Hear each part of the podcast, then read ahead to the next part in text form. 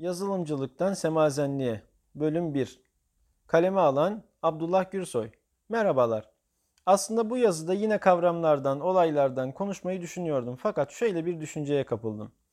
Birçok film izledim. İçlerinde en çok hoşuma gidenler ya gerçek hayat öyküleri ya da benimle alakalı olanlar oldu.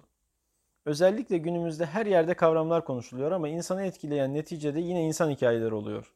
Gördüğüm kadarıyla özellikle gençler kişilerin kendilerinden yükseklere oturarak hiç elini suya sabuna sokmadan kavramları hatırlatmasına nefret ediyorlar. Aslında kavramlardan konuşan büyüklerimiz muhakkak o işin sahasında da bulunduklarını, belki şahsi hatıralarını, hatalarını, tecrübelerini aktarmalı ki karşı tarafta bu bir gerçek duygusu uyansın. Maalesef eskisi gibi tek bir aklımız yok. Artık yoğun iletişim ağları ile bir protez aklımız var.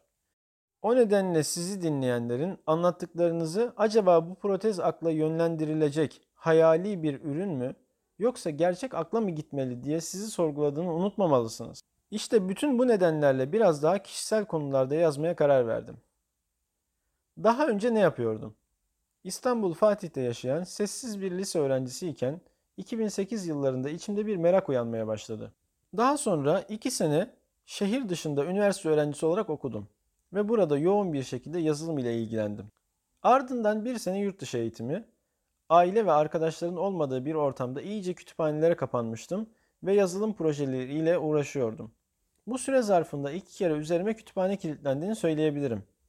Devamında tekrar iki senelik bir üniversite hayatı. Günün tamamı kütüphanelerde yazılım ile geçiyordu. Coursera gibi platformlardan yabancı üniversite derslerine katılma imkanı yeni başlamıştı. Stanford Üniversitesi'nden Alex Ayken'in Compiler dersini takip ederek Türkçe isminde bir yazılım dilini üniversite bitirme projesi olarak hazırladım. İlk kez yazdığım Türkçe kod düzgün çalıştığında çalıştı diye kütüphane kafeteryasına bağırdığımı hatırlıyorum. Bunların yanında içimde uyanan merak ile hususi sohbet meclisleri, tekke musikisi meşkleri ve mesnevi derslerini takip ediyordum. Üniversite 3. sınıf öğrencisiyken sema meşk ettim.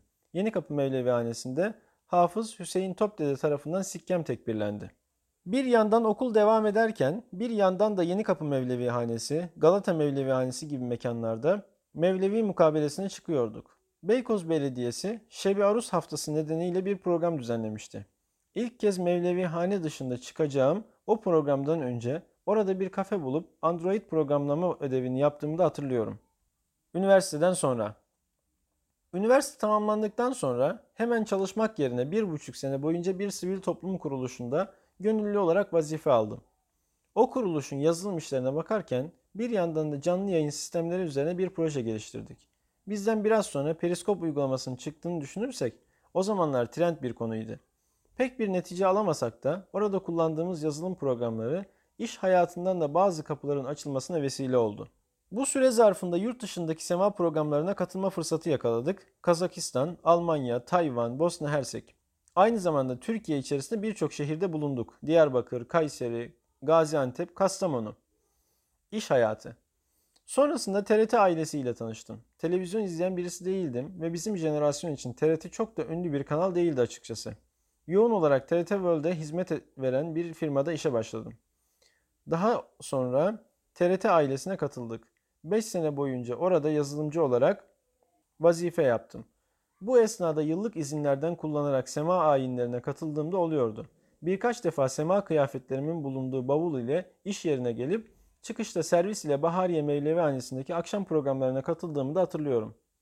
Nimete şükür anlamında belirtmek istiyorum ki iş hayatındaki birebir görüşmelerde müdürüm tarafından beyan edilen memnuniyet ifadelerinin ve işten ayrılırken istediğin zaman tekrar geri başlayabilirsin cümlelerinin aslında hep yukarıda bahsettiğim manevi hayatın bereketi olduğuna inandım ve inanmaktayım. Bu yazı biraz kendini tanıtma gibi oldu ve dergimizin politikası olan 500 kelime sınırını çok aşmış bulunmaktayız.